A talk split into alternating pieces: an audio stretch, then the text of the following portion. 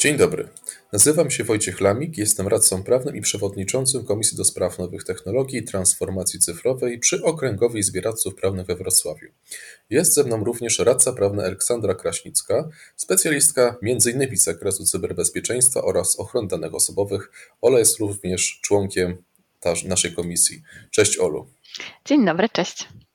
Dzisiejszy temat y, naszej rozmowy może wydać się naszym słuchaczom trochę bardziej futurystyczny, ale inaczej może najbardziej futurystyczny ze wszystkich dotychczasowych, jakie odbyliśmy, ale po naszym dzisiejszym odcinku wielu z nas przekona się, że rozwój nowych technologii w żadnym wypadku się nie zatrzymuje, a raczej przyspiesza.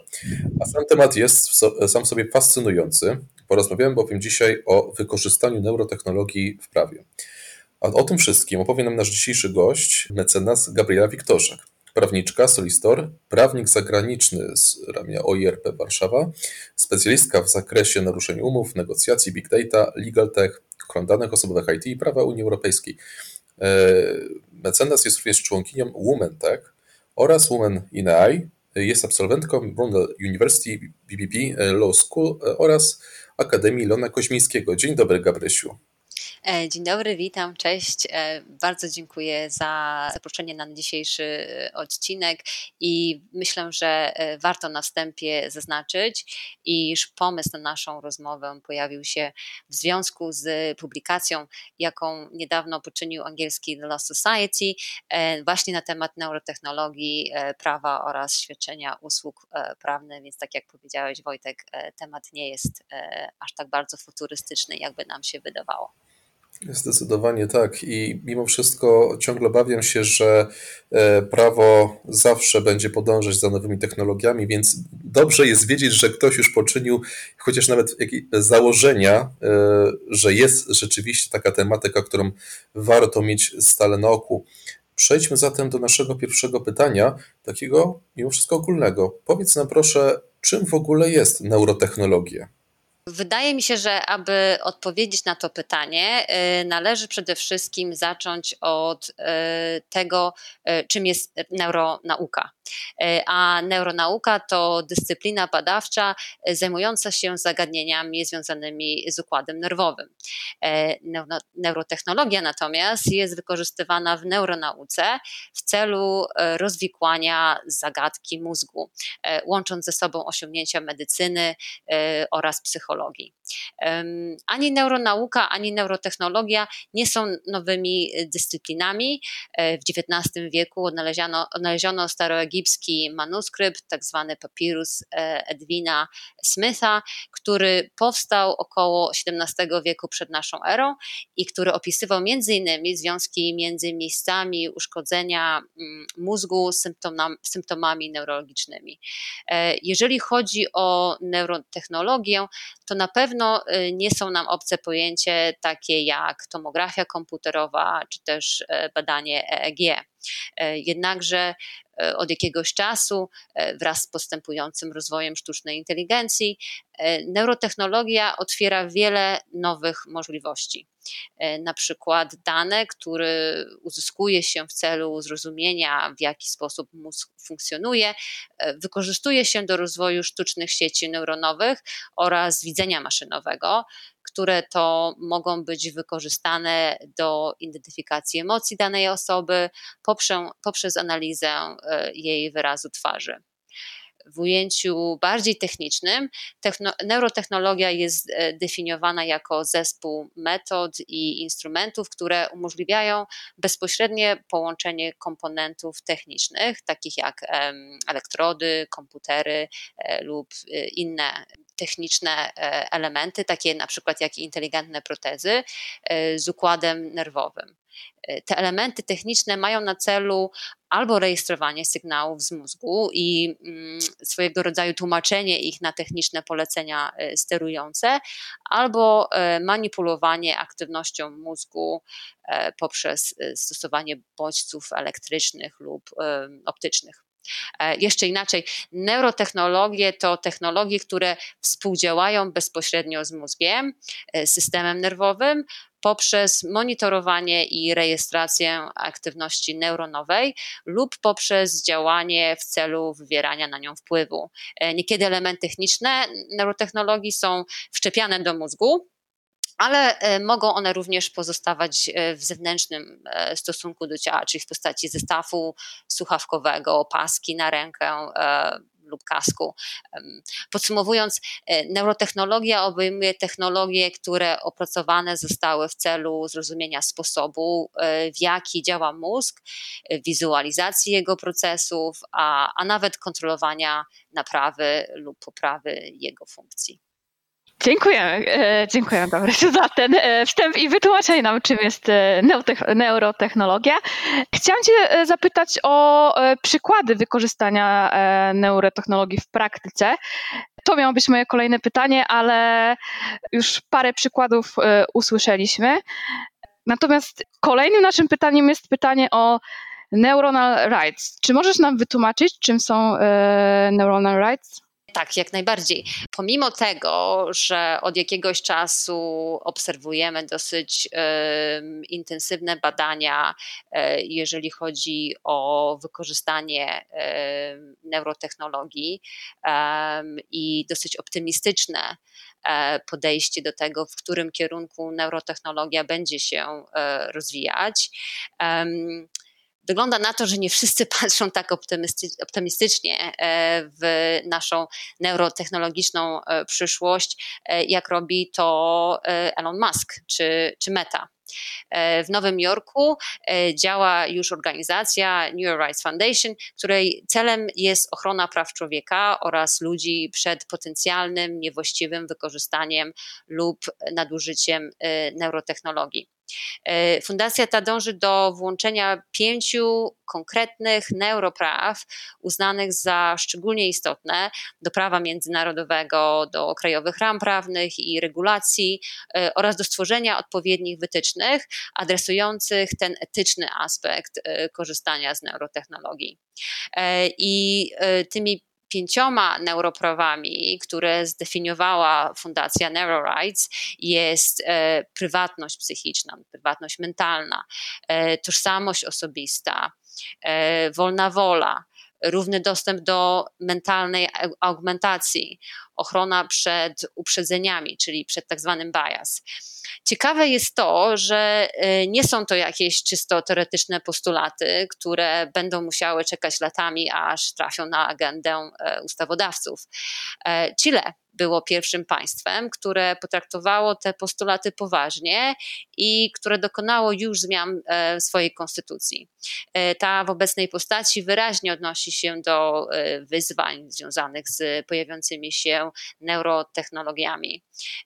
Poprawka do, do chilijskiej konstytucji ma na celu zdefiniowanie e, po raz pierwszy w historii e, tożsamości umysłowej jako niepodlegającego manipulowaniu prawa e, do ochrony przed postępem technologicznym właśnie w neuronauce i sztucznej inteligencji. Chodzi o nadanie danym osobowym pochodzącym z analizy mózgu takiego samego statusu, jak posiadają organy ludzkie, tak aby e, takich neurodanych nie można było kupować, e, ani sprzedawać, czy też handlować nimi, ani tym bardziej nimi e, manipulować. Zakres Zdecydowanie wydaje mi się, że faktycznie mm, kwestia naszych myśli tak, jest mm, zdecydowanie naszą najintymniejszą chyba sferą naszego jestestwa jednocześnie. Sam kiedyś czytałem książkę autorstwa pana Kaplana, już nie pamiętam imienia tak naprawdę, e, i on wspomina właśnie tam, że wielokrotnie o badaniach, gdzie mm, osoby, które podlegały tym eksperymentom, otrzymywały jakieś diody na skórze głowy i miały spoglądać na przykład na szereg obiektów. Załóżmy, to było jabłko, to było but i tym podobne rzeczy. I oczywiście szereg osób e, podjęło się takiej samej operacji. I wiadomo, że mm, działanie ludzkiego mózgu podczas na przykład oglądania jakiegoś obiektu to jest jakaś szereg operacji chemicznych, które się rozgrywa w mózgu, które ale jednocześnie, jak słusznie wskazałeś, można przełożyć tak naprawdę na system zero-jedynkowy, tak, który i na pewne dane na ten sposób. I potem w pewnym momencie okazało się, że sztuczna inteligencja była w stanie stwierdzić, że w tym momencie patrzysz na but, w tym momencie patrzysz na jabłko i tym podobne rzeczy, ale poszło to jeszcze dalej, że nawet jak ta osoba zamknęła oczy, ale pomyślała o jabłku, to e, system też to wykrywał, że w tym momencie myślisz o owocu. I, i czytałem to kilka lat temu, ten artykuł, i stwierdziłem, że to jest bardzo futurystyczne, ale widać, że e, świat powoli przyspiesza. E, tak, zdecydowanie tak już przyspieszył, bo bardzo dużo takich właśnie projektów ma w tej chwili e, miejsce i, i żebyśmy też tak sceptycznie bardzo nie wybrzmieli, e, wiele zastosowań neurotechnologii w medycynie naprawdę zmienia komfort życia i w ogóle jakość życia oso- osób, które na przykład poddają się głębokiej stymulacji mózgu. I dzięki temu osoby właśnie, które cierpią na choroby typu Parkinsona, ich jakość życia e, zmienia się właśnie dzięki temu, że e, jest możliwość docierania do tych ośrodków mózgu, które odpowiada, odpowiadają za określone przypadłości. Więc jak najbardziej z czytania naszych umysłów może powstać wiele dobrego. Właśnie Elon Musk, którego wcześniej e, wspomniałam, i jego firma Neuralink, oni pracują między innymi e, nad takimi urządzeniami, które będzie można wszczepić osobom e, sparaliżowanym, które na przykład cierpią na zespół zamknięcia. I e, właśnie Elon Musk niedawno zaproponował publicznie część swojej technologii i ujawnił, że w przeprowadzonych testach małpa była w stanie kontrolować komputer za pomocą mózgu. Więc jest bardzo dużo takich takich pozytywnych aspektów używania nanotechnologii, ale tak jak powiedziałeś, e, jest to ryzyko, jeżeli chodzi o pełny wgląd w to, o czym myślimy um, i co czujemy też w związku z różnymi e, emocjami, jakie mogą się pojawić i co systemy są w stanie e, w danej e, chwili e, wyczytać i też jakie wnioski będą na podstawie tych informacji, tych neurodanych e, wyciągane. I, i, właśnie to, to Chile e, zaobserwowało, że już na tym etapie, na którym jesteśmy, biorąc pod uwagę właśnie te wszystkie eksperymenty i, i, i badania, um, ochrona danych um, powinna właśnie e, obejmować prawo do prywatności psychicznej, do tożsamości osobistej, do, do wolnej woli, e, sprawiedliwe, sprawiedliwego dostępu do technologii, która ma zwiększyć ludzkie możliwości e, oraz ochrony przed dyskryminacją. E, Gabrysiu, ja mam też takie pytanie, czy w takim razie neurotechnologia, e, tak jak sztuczna inteligencja, może dyskryminować? Tak, ryzyko. oczywiście, zawsze jest ryzyko e, dyskryminacji. E, pozwolę sobie na taką uwagę, że jeżeli za jakąś maszyną stoi człowiek, to jest nawet bardzo duże ryzyko, że jakaś dyskryminacja e, nastąpi. Wspomnieliśmy już o różnych eksperymentach i o takim naprawdę wyjątkowym i przydatnym wykorzystaniu neurotechnologii w medycynie myślę, że, że warto e, też wspomnieć o, o innych projektach, e, na przykład e, o projekcie DARPy, czyli tej amerykańskiej agencji rządowej, która zajmuje się rozwojem technologii w ramach amerykańskiego Departamentu Obrony. Ta, ta sama, która stworzyła M16 i ma też swój wkład w stworzenie internetu, no i bardzo dużo, jeżeli chodzi o analitykę predykcyjną. W każdym razie właśnie DARPA jest bardzo zainteresowana od jakiegoś czasu e, wykorzystaniem neurotechnologii, też w aspekcie terapeutycznym, e, głównie ze względu na e, potrzebę znalezienia skutecznych metod leczenia zespołu stresu pourazowego, na który cierpi wielu żołnierzy powracających z, misji.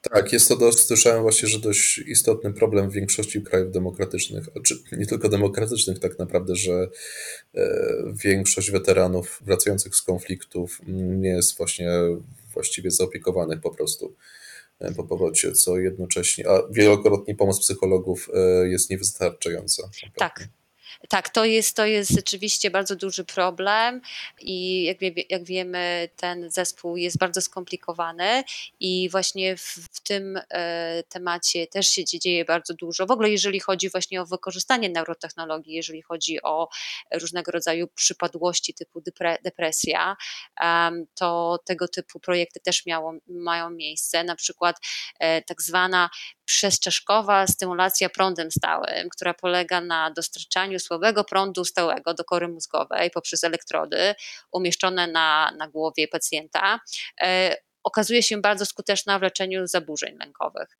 I, i właśnie e, stąd też takie projekty, które, którymi za, zajmuje się e, DARPA, ale oni poszli już krok dalej, ponieważ e, ich inny program, który się nazywa Next Generation Non-Surgical e, Neurotechnology, ten program ma na celu opracowanie e, wysoko wydajnych, tak zwanych dwukierunkowych interfejsów mózg-komputer dla służby wojskowej.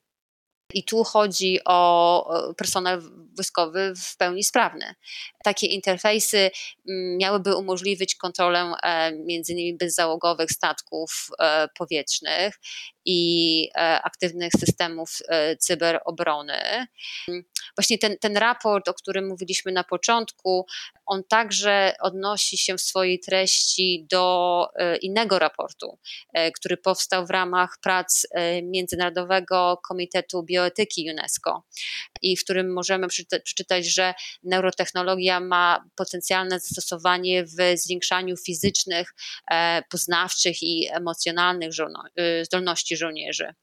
O podobnym zastosowaniu neurotechnologii możemy również przeczytać w raporcie przygotowanym przez brytyjskie Ministerstwo Obrony, e, który również odnosi się do, do możliwości zwiększania pamięci, koncentracji i, i możliwości ściągania nowych umiejętności oraz wiedzy, co można byłoby szerzej wykorzystać, nie tylko właśnie w, przez służby wojskowe. I, I takie właśnie systemy, właśnie poza służbą wojskową, są wykorzystywane między innymi w Chinach, gdzie monitoruje się koncentrację, poziom uwagi y, uczniów y, szkół podstawowych y, za pomocą urządzenia, które rejestruje ich aktywność neuronalną. A, a wracając właśnie do, do pytania dotyczą, dotyczącego dyskryminacji, właśnie biorąc pod uwagę mm, e, prawdopodobną prawdopodobne wykorzystanie i, i, dalszy rozwój projektów takich na, na przykład jak ten, na którym pracuje DARPA, który przypomina E, niejako projekt stworzenia swojego rodzaju na człowieka, e, cyborga. Jeżeli taka mentalna augmentacja zostałaby wykorzystywana komercyjnie i byłaby dostępna dla powiedzmy wybranych konsumentów, a dla innych nie, istnieją już teraz obawy, że taka sytuacja może doprowadzić do znaczącego e, zachwiania równowagi E, oraz e, neurotechnologicznej dyskryminacji, bo, bo na przykład osoby e, neurotechnologicznie niestuningowane mogłyby być w gorszej sytuacji, mieć mniejsze szanse na przykład na rynku pracy, bądź nawet wcześniej na poziomie edukacji, nawet wczesnoszkolnej. Tak, ale, tak, ale nie, nie wychodząc za daleko nawet usprawnienia tego typu dają ogromną przewagę na, załóżmy, kwestię sportu. Wiadomo oczywiście, że to troszeczkę lekka analogia, natomiast mieliśmy na przykład często do czynienia e, z kwestią biegaczy, którzy zamiast zwykłych nóg mają specjalne protezy i często okazywało się, że te protezy zapewniały im większą szybkość niż e, w przypadku konkurencji załóżmy po prostu no, zdrowych sportowców, którzy nogi posiadali. I łatwo sobie wobec tego wyobrazić, że skoro taka proteza, mm, która nie miała komponentów, załóżmy, elektronicznych, opartych na neurotechnologii, dawała już takie osiągnięcie, to dopiero właśnie e, urządzenia, komponenty, które już e, z tej neurotechnologii korzystają. I faktycznie mówię tutaj tylko o sporcie, ale oczywiście wiadomo, że możemy iść zdecydowanie krok dalej, czyli mamy kwestię edukacji.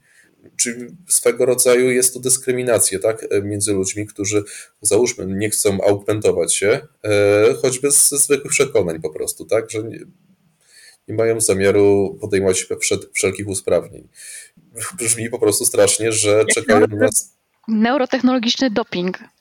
Tak. tak, ale coś w tym stylu. I tylko chyba ma raczej taki charakter bardziej trwały niż taki doping, który znika po jakimś czasie, tak? Niesamowite. Hmm. Tak, myślę, że to jest y, y, jeden z aspektów e, właśnie wykorzystania neurotechnologii i jaki tak naprawdę będzie e, miało to wpływ na nas, e, na nasze, nasze życie, nasze, nasze możliwości, możliwości na, naszych dzieci, bo te neuroprawa, o których wspomniałam, przynajmniej w takiej formie, w jakiej zostały zaimplementowane w Chile, one się właśnie odnoszą do takiego sprawiedliwego, sprawiedliwego dostępu do technologii, która umożliwia augmentację, ale właśnie co w sytuacji, kiedy y, chcemy mieć wybór y, i świadomie na przykład y, podejmujemy decyzję, że jednak nie chcemy tego tuningu. I wtedy jak dalej potoczy się nasz, nasze życie w warunkach, gdzie augmentacja może być e, już e, dosyć szeroko stosowana. Tak, abstrahując, że patrząc bardziej prozaicznie, może być często granicą kwestia finansowa. Tak. Zakładam, że tego typu zabieg, który polegałby na augmentacji poszczególnych funkcji człowieka byłby zdecydowanie droższy niż założenie standardowych protez. Na pewno. Także sytuacja wydaje się dość dynamiczna pod tym kątem. A powiedz nam, Gabrysiu, proszę, czy neurotechnologia może mieć zastosowanie w przypadku miejsca pracy, bo z tej na razie głównie omawialiśmy jej zastosowanie na przykład pod kątem medycyny, gdzie rzeczywiście e, ma znakomite osiągnięcie, jest bardzo przydatna, szczególnie dla osób z, e, chorobami e, Parkinsona i tym podobnych schorzeń. E, kwestia rzeczywiście wykorzystania militarnego także ma niebagatelne znaczenie, ale właśnie to, do czego też sprowadzaliśmy nasz, e, jeden z aspektów naszego odcinka, to właśnie wskazywanie, że ta neurotechnologia stanie się e, bardzo powszechna i w wielu aspektach naszego życia e, obecna, tak, nierozłączna wręcz można powiedzieć. I czy właśnie wracając do tak powszechnego aspektu jak kwestia prawa pracy, czy neurotechnologia znajdzie tam jakieś zastosowanie? Um, tak, na, na pewno myślę, że e, jeżeli chodzi o miejsce pracy, to e, nie mam żadnych wątpliwości, że neurotechnologia będzie wykorzystywana. E, tak jak w Chinach monitoruje się poziom koncentracji uczniów, czy też poziom zaangażowania gracza, który akurat przeżywa jakiś e, etap e, gry komputerowej, tak i, i poziom uwagi e, pracowników może być w pewnym momencie monitorowany na przykład w ramach badania ich produktywności i znalezienia sposobów na lepszą efektywność kadry pracowniczej. Jeżeli chodzi o niektóre usługi, to e, może dojść do sytuacji, gdzie klienci, na przykład kancelarii, e, zaczną wymagać stosowania narzędzi do mierzenia poziomu zaangażowania w daną sprawę e, przez prawników. Proszę sobie wyobrazić, jaki może mieć to również wpływ na sposób rozliczania się z klientem. Może w takiej sytuacji wprowadzona zostanie rozliczalna jednostka uwagi. Kto wie? Czyli dla wszystkich prawników, którzy e, nie, nie, nie, są zbyt zadowoleni e, z raportowaniem ze swojego czasu pracy, mamy do czynienia z czymś już do sześcianu znacznie bardziej poważnym, abstrahując, że może ktoś zarzucić, że nie myślisz w tym momencie o naszym kliencie na przykład. Tak. I w związku z tym będzie odpowiedni upust poczyniony na, na fakturze, w zależności od tego, jak fale mózgowe się zachowywały podczas 8-godzinnego, powiedzmy, dnia pracy. No bo ta uwaga rzeczywiście jest rzadkim i cennym zasobem poznawczym, ale także potencjalnie wysoce dochodowym zasobem kapitałowym i to nie jest nic nowego, bo o tym pisał już Herbert Simon i, i na czym między innymi opiera się tak zwana ekonomia uwagi. E, uwaga jest nie tylko cennym zasobem poznawczym dla tych, e, od których jest otrzymywana, ale także dla tych, którzy jej wymagają, e, ponieważ istnieje znaczna wartość zarówno w samym akcie bycia uważnym, jak i otrzymywanie uwagi od innych. Tak, bo co innego, że wysyłasz do kogoś informację, ale nie masz pewności, czy ta informacja dotarła w sensie do adresata pod tym kątem, że zrozumiał ją, czy też w ogóle chciał ją zrozumieć nawet, tak? Czy po prostu e, potocznie mówiąc, wleciał w jednym, a wleciał o drugim najzwyczajniej w świecie. Tylko wiadomo, że tutaj jest e, obawa, że przekraczamy już pewną cienką granicę, gdzie już z której, z której nie ma tej drogi odwrotu. Czyli tak Myślę, że rzeczywiście to jest e, bardzo trafna uwaga, bo czytając ten raport Law Society, to rzeczywiście da się zauważyć, że ta granica między biologią a, technologią e, zaczyna się e, zacierać, a przynajmniej jest bardzo duży potencjał, że się dosyć skutecznie zatrze w pewnym momencie. Zdecydowanie jakby może to źle to odebrałem, tak, ale może się pojawić pewnie taka sytuacja, że na swój sposób nie będziemy mogli zostać sami ze sobą, tak, ze swoim umysłem w pewnym momencie. Ponieważ e, tak, tak, to będzie przedmiotem raportowania. Tak? E, tak, rzeczywiście. E, być może, że system będzie w ten sposób zaimplementowany, że na przykład będzie możliwość poprzez wyobrażenie sobie czegoś, aby na przykład zastopować e, ten minutnik, jeżeli chodzi o mierzenie uwagi, i wtedy ten system powinien się wyłączyć i dać nam moment dla, dla siebie, ten, ten prywatny moment. No, to jest bardzo dużo. Jeszcze pytań i niewiadomych, jeżeli chodzi o wykorzystanie tego typu technologii i jak ona zostanie wykorzystana.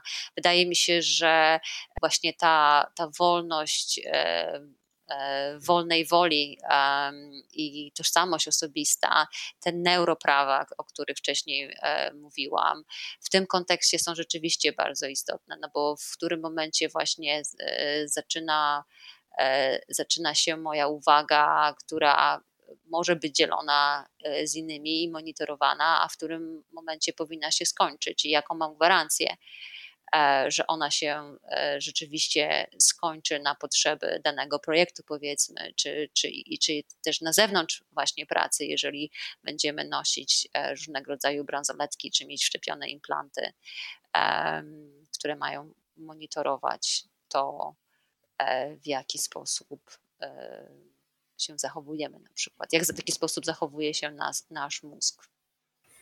Brzmi bardzo orwellowsko. E, jak, e, Wspaniały świat raczej. I trochę przerażająco, trochę ekscytująco. A jeszcze kontynuując wątek praktycznego wykorzystania neurotechnologii w pozytywnym aspekcie. Czy neurotechnologia może w jakiś sposób e, przysłużyć się zwalczaniu przestępczości? W jaki sposób? Czy są może już e, na to jakieś pomysły? Biorąc pod uwagę to, e, w jaki sposób wykorzystywana jest e, już ta e, sztuczna inteligencja, czy te też modele predykcyjne, myślę, że jakieś zastosowanie neurotechnologii w tym zakresie na pewno się znajdzie. Pojawiły się nawet głosy, iż neuronauka wprowadzi pewnego rodzaju rewolucję, jeżeli chodzi o, o prawo karne, poprzez udowodnienie, iż tak naprawdę nie posiadamy wolnej woli i zapewne w związku z tym nikt nie zasługuje na karę za popełnienie e, przestępstwa. Green i Cohen, którzy publikowali na temat e, neuronalnych podstaw konfliktu poznawczego i kontroli w sądzie moralnym, e, byli zdania, że prawo odrzuci swój cel odwetowy i obierze inny kierunek, koncentrując się bardziej na ochronie społeczeństwa. Jak na razie do takich zmian nie doszło, a zastosowanie neurotechnologii w tej dziedzinie prawa pojawiło się e, w postaci m.in. szpitalnych skanów mózgu, które czasami miały e, opinii biegłego w momencie określania e, wymiaru kary. Raport e, Law Society e, stawia w tym temacie wiele pytań, na przykład e, czy samo państwo może zacząć wprowadzać rozwiązania neurotechnologiczne, aby zwalczać przestępczość? Czy neurotechnologia może spełnić e, jakąś rolę w procesie karnym? Od pewnego czasu stosuje się elektroniczny monitoring jako karę zastępczą e, zamiast kary pozbawienia wolności. Z perspektywy państwa e, elektroniczny monitoring jest dosyć atrakcyjny w porównaniu z alternatywą, ponieważ więzienie wiąże się ze znacznymi kosztami związanymi z utrzymywaniem tych instytucji.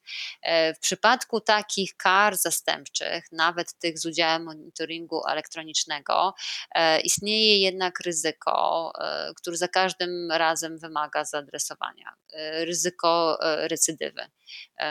Czy można zmniejszyć takie ryzyko poprzez zastosowanie systemu dozoru elektronicznego, który obejmowałby nie tylko monitorowanie położenia geograficznego, ale także dawałby możliwość możliwość monitorowania mózgu osoby skazanej.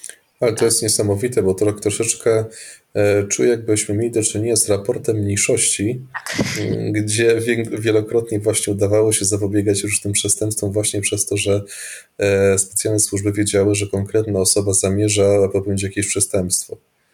Tak, i, i właśnie w związku z tą informacją zjawiała się stosunkowo wcześnie, aby w ogóle zapobiec. E, e, popełnieniu jakiegoś przestępstwa, często ku zaskoczeniu e, osoby aresztowanej. Myślę, że e, ta koncepcja raportu mniejszości pojawia się dosyć często już, właśnie w związku z wykorzystaniem analityki predykcyjnej, jeżeli chodzi o, organy ścigania. I o tym raport Law Society między innymi wspomina i i, w związku z tym pojawia się zdecydowanie więcej pytań niż odpowiedzi, e, jeżeli chodzi o to, w jaki sposób e, neurotechnologia może być, czy będzie wykorzystana, jeżeli chodzi o e, zapobieganie przestępczości.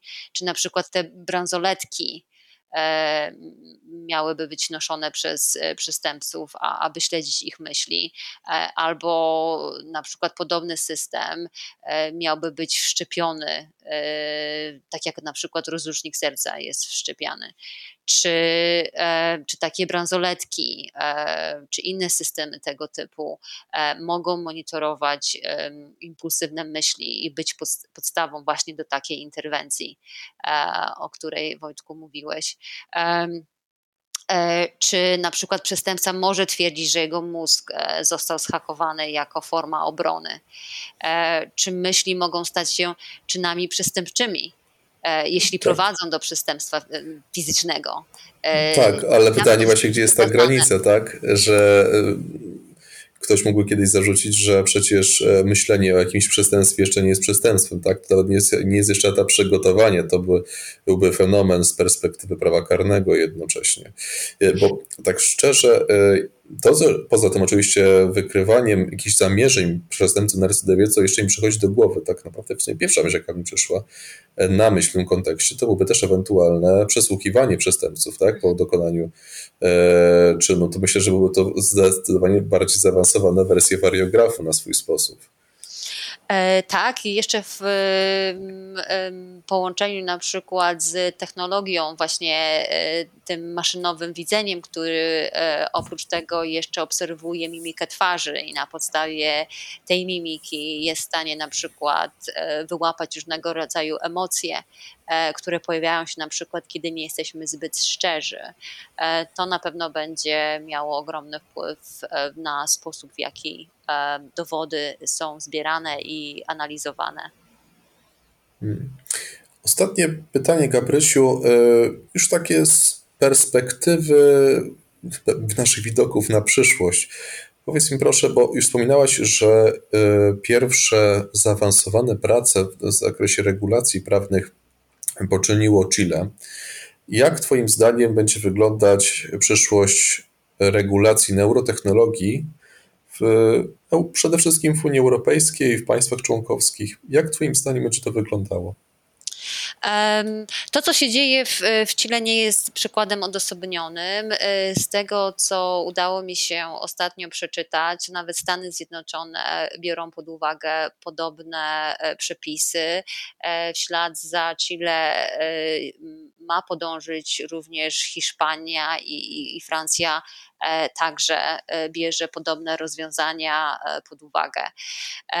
Wydaje mi się, że biorąc pod uwagę, w jaki sposób dane będą pozyskiwane i to, że tak naprawdę mamy teraz do czynienia z pewnego rodzaju nowymi kategoriami danych, e, które wychodzą właśnie poza ten nam znany e, katalog danych osobowych, z którymi e, mieliśmy okazję się bliżej i bardziej zapoznać, zwłaszcza po tym, jak RODO weszło w życie, będzie musiał być mm, mm, zaktualizowany, biorąc pod uwagę to, że sprawa dotyczy technologii, wydaje mi się, że podejście do tego tematu będzie musiało być e, zsynchronizowane, e, tak jak między innymi dzieje się to teraz w związku z AI Act, że będziemy mieć prawdopodobnie do czynienia z rozporządzeniem, które będzie miało